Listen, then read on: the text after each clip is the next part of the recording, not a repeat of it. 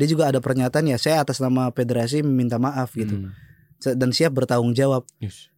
Oh ya menurut kami masalah satu pertanggung jawabannya mundur, nggak Iya. ada lagi yang bisa dilakukan sama Hmm. antum. Udah, me- memang memang ini Enough is enough. Tapi ternyata bisa menang 2-1 gitu 2-1. kan. Keren banget kan. luar biasa. Tiba-tiba besok paginya di website PSSI adalah ada aktor kemenangan kesuksesan timnas adalah siapa lagi kalau bukan Iwan Turis. Biar lebih jago katanya. Ya, ya katanya sih biar lebih jago, tapi itu katrok. Maksudnya gini, coy. Ini ini kadang kita suka suka ini ya, suka nggak eh, adil dalam berpikir gitu. Kita suka nggak adil sejak dalam pikiran gitu. Iwan Bule bilang gitu ya kita ke depan juga akan mensinkronisasikan Mm-mm. aturan keamanan FIFA dengan Polri. Selama ini gimana gitu kan pertanyaannya. Iya.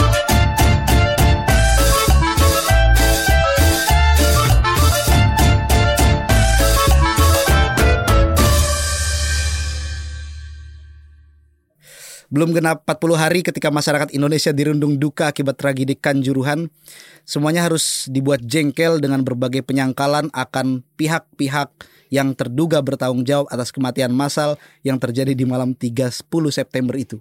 Baik tim investigasi yang diinisiasi oleh pemerintah maupun tim yang dibentuk oleh aliansi masyarakat sipil sudah melakukan tugasnya dengan melusuri data, bukti, dan berbagai informasi lainnya untuk mengungkap kasus tersebut. Media-media yang waras pun bahu-membahu untuk menampilkan fakta dari kasus ini kupasan demi kupasan. Pihak-pihak yang dalam hal ini menjadi pemangku otoritas dalam kasus tersebut dimintai keterangan. PT LIP, PSSI, kepolisian, dan Indosiar sudah dimintai keterangan. Ketika ditanya ini adalah salah siapa, semuanya saling menyalahkan pihak lainnya. PSSI bilang ini salah Panpel, Panpel bilang ini tanggung jawab PSSI. PT LIP mengaku pertandingan jam malam permintaan Indosiar, sementara pihak Indosiar bilang semua itu PT LIP yang menentukan. Sebuah skema yang bagus sebetulnya ya. Kalau misalkan di dianalogikan itu adalah build up serangan ya. Foot apa explain in football terms ya? Iya iya iya. Tak berhenti sampai di situ, kepolisian sebagai institusi yang penuh rekam jejak brutalisme juga terus-menerus mengelak dan mencari fakta kacangan untuk mengaburkan fakta sebetulnya. Di tengah isu ini sedang fokus ditelusuri, tiba-tiba kita semua digemparkan oleh sebuah postingan nyeleneh yang bikin geleng kepala. Lebih bikin gak habis pikir, yang melakukan adalah pelatih timnas Garuda Shin the Only Taeyong. Oh man. Dirinya membagikan postingan yang menurut kita tolol. Kalau mau mundur ya mundur aja Pak Shin lah. Keadilan korban dari tragedi Kanjuruhan mah lebih penting daripada timnas atau sepak bola secara keseluruhan. Selamat datang di podcast Oragol episode ke-71 bareng saya Ikhlas Alparisi. Dan saya Raihan Majid. Lanjut Han.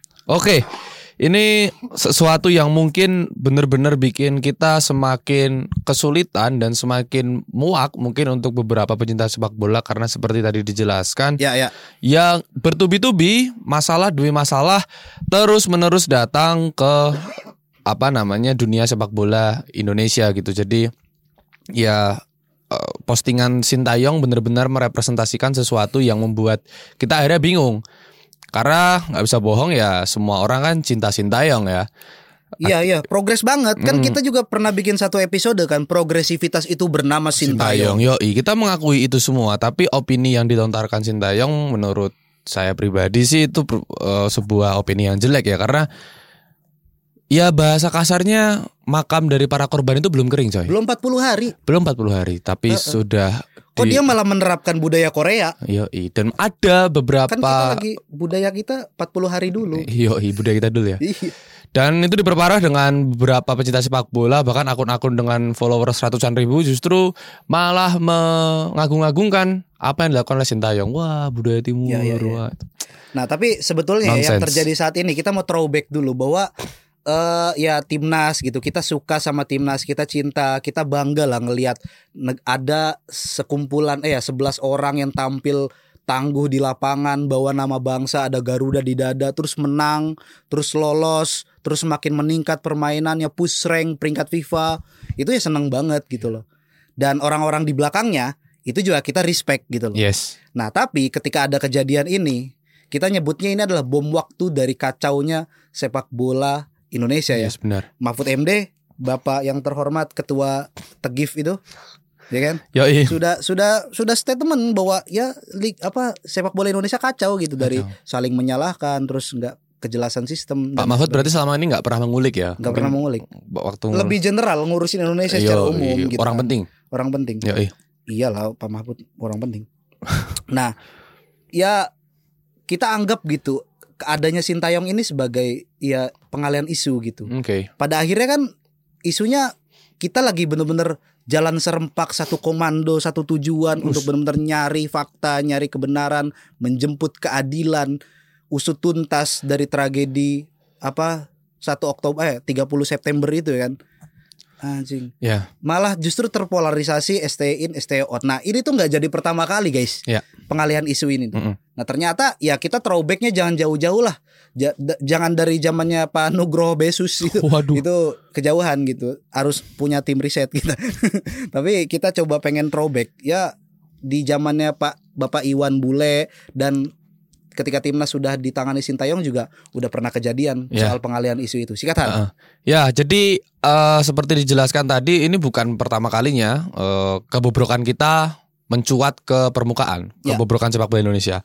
Yang pertama ada kasus opini jelek Pak Exco Haruna Sumitro yang sampai dibuatkan eh, saat itu apa namanya forum sama pandit football ya, Mm-mm. dibuatin space. Dan saat itu yang terjadi adalah timnas Indonesia baru aja pulang dari Piala AFF 2020 yang digelar di Desember 2021 lalu. masih hangat masih hangat Masih hangat banget. Dan seperti kita tahu kan kita sampai final tuh ya. iya Sampai final tidak diduga tidak diduga Mm-mm. dengan eh, komposisi tim yang mayoritas adalah dalam tanda kutip anak-anak ya. ya ya ya, ya. Eh, skuad STY sejauh itu bisa melaju. Tapi kepulangan timnas disambut dengan berbagai sanjungan dan juga dorongan evaluasi agar lebih baik. Pasalnya, timnas berangkat dengan skuad yang sangat muda, namun berkat racikan Sintayong, mereka berhasil menembus babak final meski harus takluk oleh Thailand. ya ya ya Dari sini muncul berbagai macam wacana soal pembenahan sistem, penguatan pembinaan dan juga Liga 1 yang mesti lebih baik agar mampu menghasilkan pemain yang baik juga. betul betul Namun saat kita sedang fokus mendiskusikan soal itu, tiba-tiba ada opini jelek yang datang dari anggota Exco yaitu Haruna Sumitro. Haruna Smithrow Haruna Sumitro. Ya, salah satu punggawa tim London Arsenal Yes. itu juga rangkap jabatan Yoi, pemain nomor 10 Arsenal ternyata juga aktif ngomongin sepak bola Indonesia. Dalam podcast di JPNN, dirinya justru dirinya ini maksudnya Haruna Sumitro ya, justru malah mengalihkan perbincangan publik ke persoalan Sintayong yang ngambek ketika mendapat evaluasi dari PSSI. Mm-mm. Haruna malah bilang kalau Sintayong sama aja kayak pelatih-pelatih timnas sebelumnya yang nggak bisa ngasih prestasi ke timnas dan ini terdengar sebagai opini yang sangat jelek kan? Iya iya iya seakan-akan dia tuh bukan orang PSSI gitu loh. Ya kayak nggak ngerti aja gitu. iya, seakan-akan prestasi timnas itu diraih dengan adanya pelatih yang Yes. kayak apa sih punya seribu jutsu. Yoi. Lagi pula juga ini menunjukkan bagaimana standar keberhasilan atau indikator keberhasilan PSSI ya sangat rendah ya. ya ya ya. Maksudnya menilai kesuksesan dari Piala AFF, eh, AFF tak pikir juga bukan sesuatu yang signifikan buat timnas Indonesia gitu loh. Iya. Sebagai satu-satunya negara yang pernah berlaga di Piala Dunia meskipun namanya Hindia Belanda, Iya. harusnya kita punya tradisi sepak bola yang harusnya juga lebih dari negara-negara Iya. lainnya dong.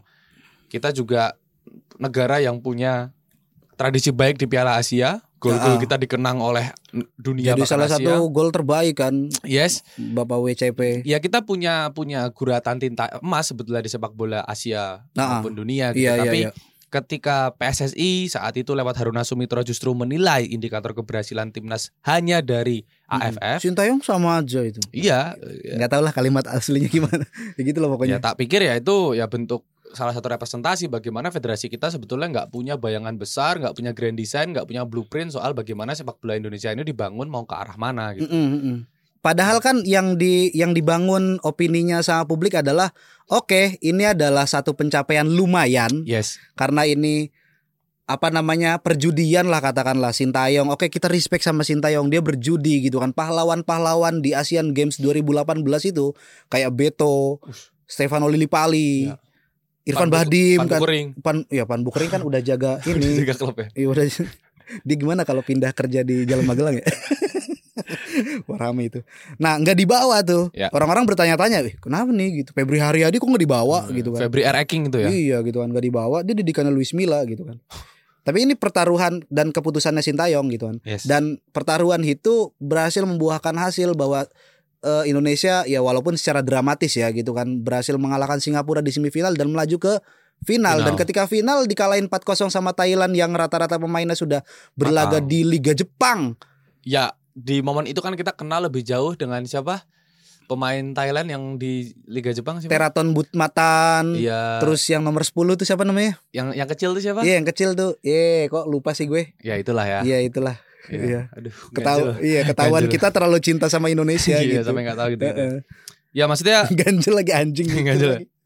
Iya, lanjut lanjut. ya aku aku mikirnya eh ini ini jadi satu rentetan ya. Ini kan nanti kan podcast ini eh, edisi 71 kan episode 71 coba meruntut bagaimana sebetulnya kebobrokan PSSI itu nggak sekali dua kali muncul ke permukaan. Iya, Tapi ya ini ini salah satu contoh bagaimana exco kita ya heeh. ya segini aja gitu. Ya waktu itu aku masih inget lah. Ya persoalannya adalah gimana caranya tim ini biar biar tetap solid. Tim ini baru dibangun gitu. Toh masih muda gitu kan. Eh, banyak juga pemain-pemain yang merumput di Eropa. Witan, Egi, Elkan Bagot Yes. gitu kan. Asnawi. Di Korea Selatan ya. Yo kan. Ya, Oke, iya lanjutin gitu. Terus ngegenjot juga nih tim-tim kayak ada pemain-pemain yang Starboy Starboy nih. Iya, Yo, iya, itit bangsat.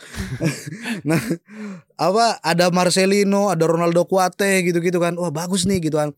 Dan isu ataupun tema diskusi yang di apa namanya digaungkan gitu kan di lini masa ya itu sama kita kan Yes, gitu yes. kan. Tapi tiba-tiba ada Bapak Smithrow gitu kan bilang ngambek katanya STY waktu dievaluasi ya deh. Terus kan setelah itu kan ada wacana pe, apa Sintayong diinin kan dimutasi kan. Yo, Oh, iya, dimutasi. turun ini. Ah, ah, untuk cuman menangani eh, timnas U20 katanya untuk persiapan fokus persiapan Piala, Piala Dunia Dunia U20 gitu kan. Ternyata hanya dua esko ya yang yang yang menyetujui. yang menyetujui ya. Iya. Apa apa dua esko yang tidak setuju ya? Enggak nyatanya masih menangani timnas senior. Iya iya iya, dianggapnya kewalahan gitu kan. Oke, sampai di situ akhirnya eh ya itu pengalihan isu yang membuat akhirnya isu yang sebenarnya penting dan itu bukan hanya sekedar isu ya, tapi wacana dan itu harus dipraktekkan sama federasi yang punya otoritas ini malah menguap akhirnya kan. Yes, yes. Oke, singkat cerita kita sampai ke bulan Juni tuh. Mm. Timnas Garuda berangkat ke Kuwait untuk menjalani pertandingan kualifikasi. Asnawi dan kawan-kawan harus berhadapan dengan Timnas Kuwait sebagai tuan rumah Yordania dan Nepal. Untuk bisa lolos, Timnas harus bisa juara grup. Kalau enggak, ya harus bisa jadi runner up lima runner up terbaik dan ber, ya berkat ketangguhan anak-anak Garuda kita nggak nggak habis pikir kan ya yang nggak usah inilah apa namanya kalau aku sendiri gitu nggak terlalu banyak ekspektasi gitu kan Kuwait tuan rumah pertandingan pertama lawan tuan rumah Mm-mm. tapi ternyata bisa menang 2-1 gitu 2-1. kan keren banget kan tiba-tiba besok paginya di website PSSI adalah ada aktor kemenangan kesuksesan timnas adalah siapa lagi kalau bukan Iwan Turis Turis mana sih lama banget extend di sini coy. iya anjing bisa tinggalnya apa ya? visanya nggak bisa habis Iya. Nah, ya dari situ timnas akhirnya lolos kan dan lolos setelah 15 tahun gitu kan. Wah, itu haru banget kan. Iya. Timnas lolos, aku lulus kan waktu itu. Wah. Iya doi. Iya Lolos coy. lulus ya. Lolos dan lulus gitu. Seneng banget gitu loh. Seneng banget hari-hariku ya. Seneng gitu kan. Seminggu kemudian langsung keterima kerja gitu. Wah, Wah. wah itu momen enak banget tuh. Gokil ya. Gokil banget tuh. Tapi tiba-tiba ya didomplengi lagi gitu sama pernyataan-pernyataan yang nggak penting gitu. Ketika mereka pulang dengan perayaan, kita kembali berdiskusi ya di Twitter, di Instagram tentang gimana caranya timnas ini tetap solid, gimana caranya ketika timnas Garuda yang senior ini lolos ke Piala Asia 2023 ini nggak cuman sekadar jadi bulan-bulanan, Yes. jadi lumbung gol gitu kan. Jadi Uh, peramai uh, kompetisi makanya aja. kemudian timnas U19, U17 juga diprospek agar bisa dibina lebih baik. Ada isu yang penting training center Yes. ya kan gencar disuarakan oleh publik. Namun iya itu berbarengan dengan rencana naturalisasinya Jordi Amat dan Sandy Walsh Ya. untuk menjadi WNI ya agar bisa turut menjadi ya amunisinya timnas gitu kan. Nggak tahu kalau buat buat aku ya, Mm-mm. buat kita lah Oragol ya. Oke. Sepakat kan gue? Sepakat. Soal naturalisasi mah fan-fan aja ya kan selama berguna dan sifatnya itu untuk rencana timnas jangka pendek Mm. tapi tetap training center dikawal gitu kan bahwa timnas apa namanya kita mengharapkan sepak bola Indonesia maju ya salah satu indikatornya adalah melalui pembinaan dan adanya training center Training dulu kan center. itu kan tapi tiba-tiba ada ini di luar federasi sih emang. Emang banyak banget gitu sepak bola itu apa ya? Bundar soalnya. Enggak, sepak bola itu emang satu fenomena sosial yang keriuhannya itu gampang banget dinaikin sama orang gitu. Oke. Mm-mm. Makanya Soekarno dulu ngejadiin sepak bola sebagai alat politik kan. Ya. Ya kan? Tiba-tiba ada komisi anggota komisi 10 DPR Saiful Huda yang bacot gitu kan nolak Hmm. proses naturalisasi Jordi dan Sandi. Alasannya sepele. Jordi resmi mendarat di JDT Malaysia. Hal itu dipandang sebagai penurunan karir baginya. ya kalau emang udah turun gimana ya? Iya, udah udah waktunya juga. Ya itu siapa? Bro Nauri kan pernah dilatih sama Graham Potter. Iya. Kok nggak ada yang protes gitu Isu-isu kan? gitu kan. Iya, apa dia pemain timnas Irak kan mana sih? Bukan, Bro Nauri itu Lebanon ya. Lebanon, Iya, Lebanon. ken- Kenapa nggak ada yang protes ya? Ini tahu. Publik Lebanon tuh ya. Iya. Iya kan? Kabar burung juga bilang kalau JDT sengaja manfaatin momen naturalisasinya Jordi buat ngerekrut dia dan ngisi slot pemain ASEAN. Dengan adanya Jordi Amat, slot ASEAN itu jadi plus-plus. Ya. Masuk akal, tapi buat apa anjing JDT juga gitu? Mm-mm. Aku ngelihatnya justru eh, itu opini yang jelek banget ya Wah. ketika Saiful Huda bilang itu penurunan karir buat seorang Jordi Amat gitu. Iya makanya. Duh, Meskipun iya dia di Belgia mainnya bukan di, di divisi 2 atau 3-nya ya. Dia Mm-mm. main di Jupiler Pro, Pro Iya. League-nya ya di mm-mm.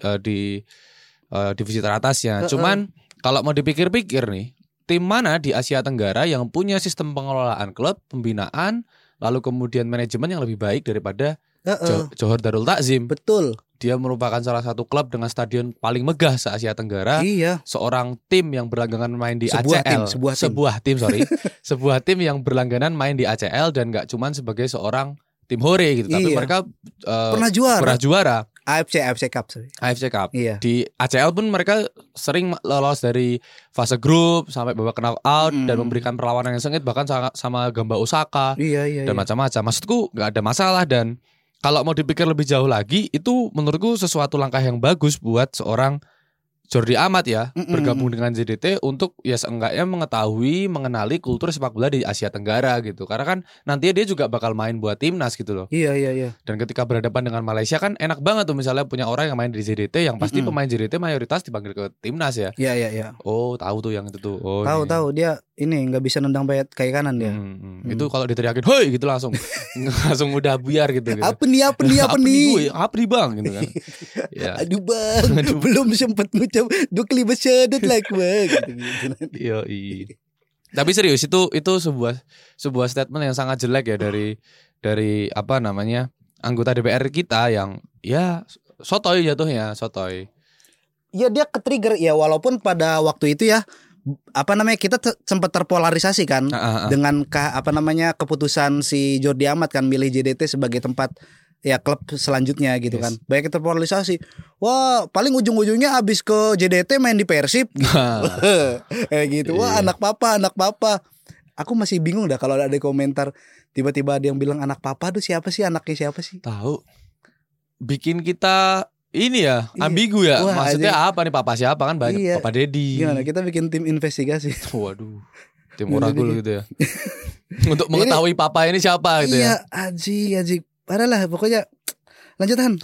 Nah, terus kemudian juga yang nggak kalah konyol dan nggak kalah aneh dan nggak kalah nggak jelas itu adalah situasi ketika PSSI mau mengancam keluar dari AFF. Oke, jelasin kronologinya gimana. Jadi Waduh, saat itu timnas aji. U19 gagal di Piala AFF Agustus lalu yang Oke. bikin kita jadi lemas. Oke, lemes emang. namun benar, namun isu yang dinaikkan oleh publik tetap fokus pada pembinaan dan pembenahan sistem dari PSSI sampai Liga 1-nya.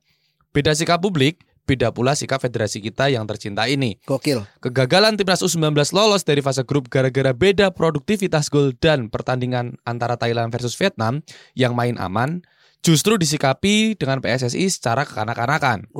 Bapak-bapak padahal ya. Iya, jadi nggak terima gitu. Iya. Ini ada indikasi kecurangan. Kita poinnya sama kok kita nggak lolos sih gitu. Mereka ngomel-ngomel. Iya. Mereka kayak nggak bisa menerima kegagalan dan menuduh Vietnam dan Thailand melakukan tindakan sepak bola gajah di pertandingan terakhir mereka.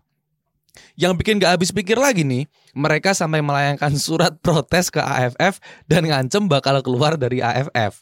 Dan mereka mau pindah ke Federasi Sepak Bola Asia Timur. Atau kayaknya mau gabung ke yang apa Iya, iya, Asia iya. Pasifik itu, Pak. Iya Asia Pasifik biar nanti persahabatannya ketemu lawan Korea, atau lawan gitu. Jepang, Iya. lawan Cina, Ya, biar lebih jago katanya. Ya, ya katanya sih biar lebih jago, tapi itu katrok. Maksudnya gini, coy. Ini ini kadang kita suka suka ini ya, suka nggak eh, adil dalam berpikir gitu. Kita suka nggak adil sejak dalam pikiran gitu. Iya emang Apa Gus, yang- Gusmu emang yang harus yang yang adil tuh. Apa yang dilakukan oleh ya? Thailand dan Vietnam menurutku sesuatu yang mungkin nggak bisa sepenuhnya dipandang kesalahan ya. Iya. Mungkin kalau Indonesia di posisi yang sama, ya kita perlu mengamankan diri gitu loh. Iya, betul. Eh, dan menurutku Sah-sah aja. sah-sah aja maksudku nggak nggak yang sampai mengizinkan lawan mencetak gol gitu misalnya atau Iya. pura-pura melompat ke sana terus bolanya cuma ke sini gitu kan tolol ya itu ya. itu kan itu mungkin jelas sepak bola gajah Iya, tapi iya. kalau Atau nen- nendang penalti ancang-ancangnya kayak mau ngumpan, ya, tendangan terus- kornel. ya, aneh gitu maksudnya Aneh. kalau di kasus sepak bola atau pertandingan antara Thailand dan Vietnam Iya. ya aku pikir ada ada beberapa sisi bahkan Mourinho lalu kemudian banyak pelatih bilang Ah. ya sepak bola kadang kita perlu sedikit culas gitu Aku baca di mana gitu ya di di Twitter. Kayak gitu ya itu bagian dari taktik bagian dari sebuah taktik. tim. Soalnya pas Piala Dunia 2018 Piala Dunia loh. Mm-mm. Jepang pun terkesan main aman gitu. Yes. Karena dia berhasil lolos dari fase grup mengalahkan saingannya Senegal ya sebagai apa namanya runner up kan juara grupnya Belgia ya Iya. udah nggak tersentuh tuh si Mm. golden golden, Golden generation, itu ya. Mereka lolos gara-gara apa? Beda kartu kuning. Cuma beda kartu kuning bukan beda gol. Itu udah sama semua soalnya. Golnya sama, ro- apa namanya kebobolannya Poin. sama, poinnya sama. Beda Kartu kartu kuning. Senegal lebih satu. Emang ya teman-teman Senegal agak ini emang Eh, kalah fair play ya. kalah fair play. Berarti Senegal tidak ini mengancam ingin keluar dari CAF kan? Iya, atau mengancam keluar dari FIFA ya karena yang menyerahkan FIFA. ya iya, kan? mulai Iya. ya udah Iya. keluar aja lu main kita apa? lu? kita mau bikin Ganevo great again gitu. Kita enggak juga gitu. Ajay, ajay. Ya, tapi ya lagi-lagi ini ini persoalan mindset sih dan karakter federasi kita. Iya. Tadi pertama menilai keberhasilan Enggak, ya. disangkanya keren kali kayak gitu ya? Iya, edgy Iya, gitu. kayak, kayak iya anjir. Iya. Lu mau bela kita? iya, mau mau bela kita ya biar Iya. biar supporter Indonesia seneng Iya, ya. biar keren. Ih. Norak. Ih, katro bangset, bangset. Enggak, enggak gitu. Kita tuh emang udah apa ya? Respect aku kalau baca-baca komentar atau tweet-tweet supporter Indonesia tuh yang terkesan dewasa gitu Yes, bahwa yes. Proses itu ya bener-bener harus dilalui apa pun dinamikanya apa perjalanannya mau kita dihajar apa segala macam tuh ketahuan level kita di mana ketika pas lawan Yordania untung aja itu cuman Hmm. kalah satu kosong kan wah Ya itu itu pentingnya sih kita punya federasi yang sehat dan waras. Maksudnya eh, nggak selamanya supporter kita itu bisa secara men- secara telanjang mata menilai progresivitas sebuah timnas gitu ya. Oh, Makanya oh, oh. ya federasi harus punya andil untuk men- ikut menjelaskan secara rinci dan spesifik progresivitasnya seperti apa. gitu. betul Ya tapi ya itulah PSSI. Oke, ya itu kemarin ya dan dan Yes. ini kita bakal ngomongin yang terbaru ya. Tragedi yang terjadi pada malam 30 September lalu baru masih hangat nih bikin kita luka, duka dan murka dalam waktu yang bersamaan. Bom waktu dari bobroknya sistem sepak bola Indonesia ditandai dengan federasi dan operator liga yang kacau akhirnya meledak dengan menewaskan 130-an nyawa. Kita belum update lagi Ya ya ya. berapa tapi yang terbaru yang kita simpen datanya segitu brutalitas polisi yang babi buta menembakkan gas air mata menghajar para supporter juga bikin kita tambah nyesek Mm-mm. Kejadian udah terjadi. Kalau kata Coach Jasin kita nggak bisa putar balik nih. Iya iya ya. nggak bisa nih. Solidaritas juga udah diteriakan di mana-mana. Tim investigasi sudah mulai bekerja. Nah kemudian juga publik kayaknya udah satu suara pada menduga kuat kalau yang mesti bertanggung jawab atas semua ini adalah PSSI, PT LIB, dan kepolisian. Ketika kemudian dimintai keterangan, mereka justru malah tiki taka kayak Barcelona gitu. anjing emang Barcelona Ngeselin ya. iya kegolan Barcelona- tiga Iya kan? Iya. kegolin tiga Poinnya tiga. poinnya tiga Ya mereka semua dituntut mundur gitu. Kalau perlu segera tetapkan mereka menjadi tersangka.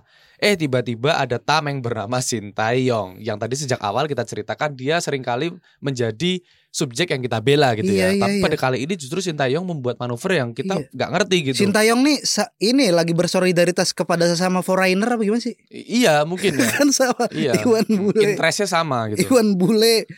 Sintayong juga merasa oh saya juga bule. Yoi. Gitu. Jadi saya harus me Wah nggak tahu sih. Ya dalam postingan terbarunya ia turut berduka cita dengan apa yang terjadi. Agak telat ya, nggak langsung Iya gitu iya loh. iya. Tapi lanjutannya malah bikin nggak enak gitu. Dia bilang kalau Tuan Iwan itu harus mundur karena bertanggung jawab atas kejadian kanjuruhan. Dia juga harus mundur katanya. Iya. Dia juga mau mundur. Ya beberapa media sih bikin headline-nya dia ngancem mau mundur gitu kan. Iya. Alasannya dia dan Mr. Iwan itu satu tim. Mundur satu, mundur semua katanya. Yoi. You jump, you jump, Aijam. I jump. Gudeg you jump. Bukan Titanic padahal ya. Iya.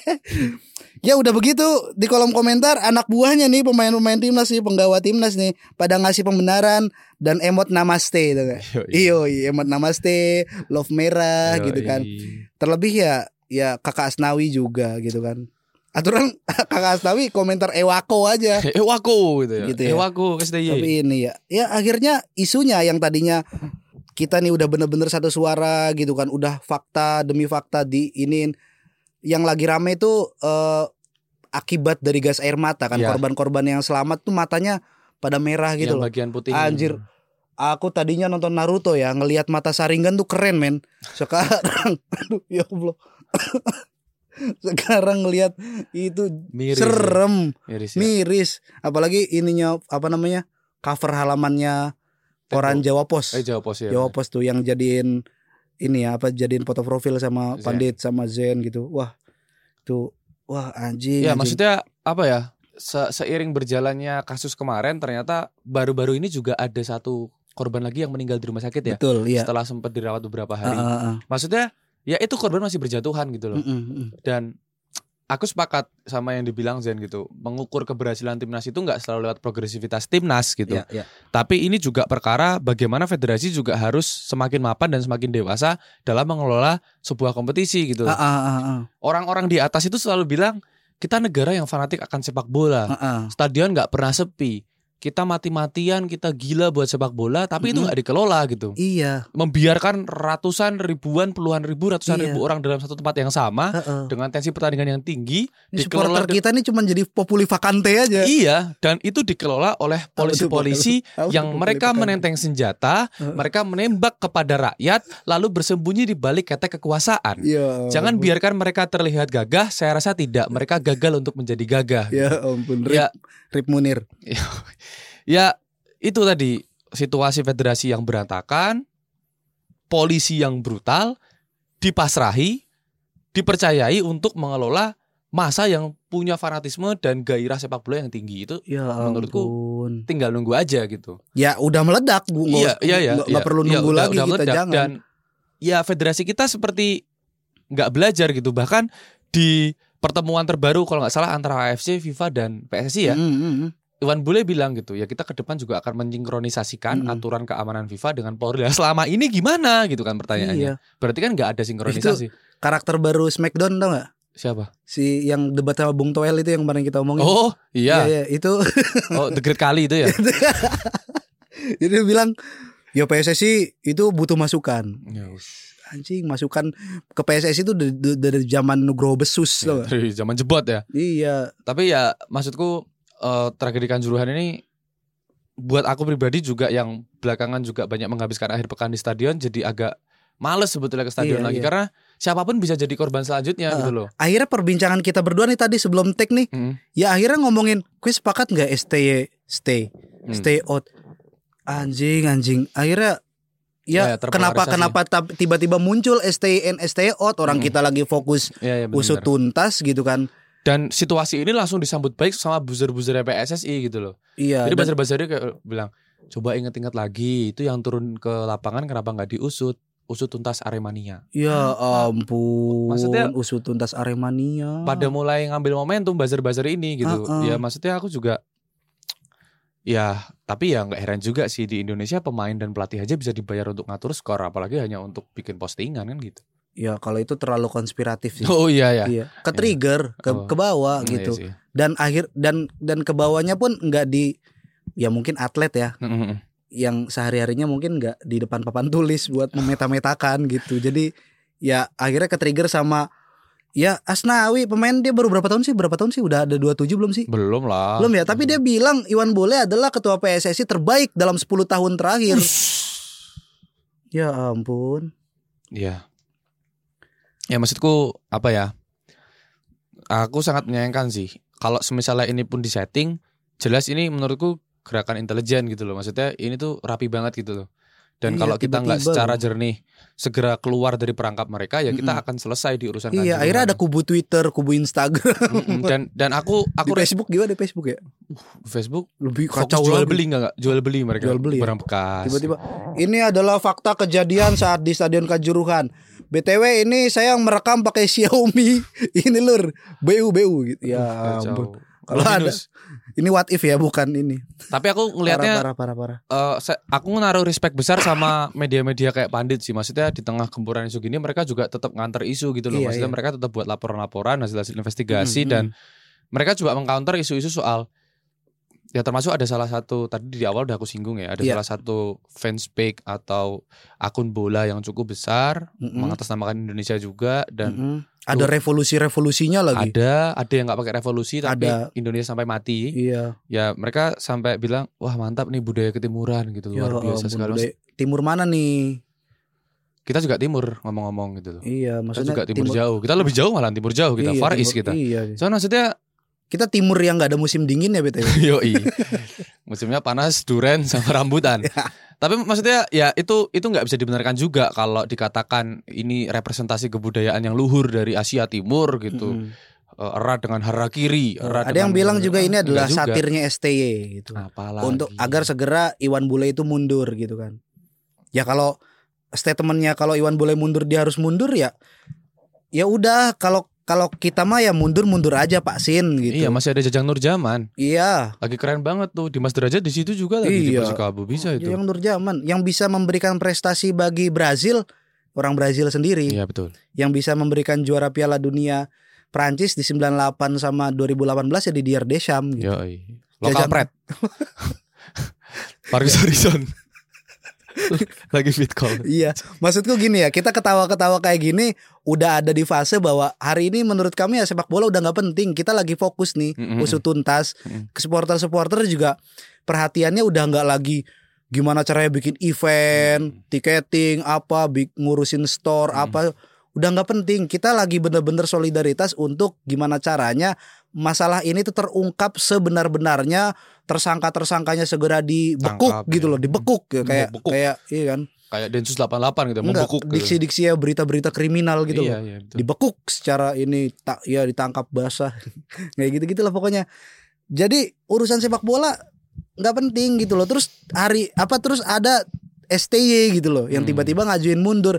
Ya ini ya ini bikin ya oke bikin orang-orang yang udah terlanjur sayang sama STY kan dia sebelumnya pengalian-pengalian isu sebelumnya yang tadi yang kita bacain kan yang disanjung STY mulu Iya, nih. kita yang belain STY malah Kita yang ya. belain STY gitu kan.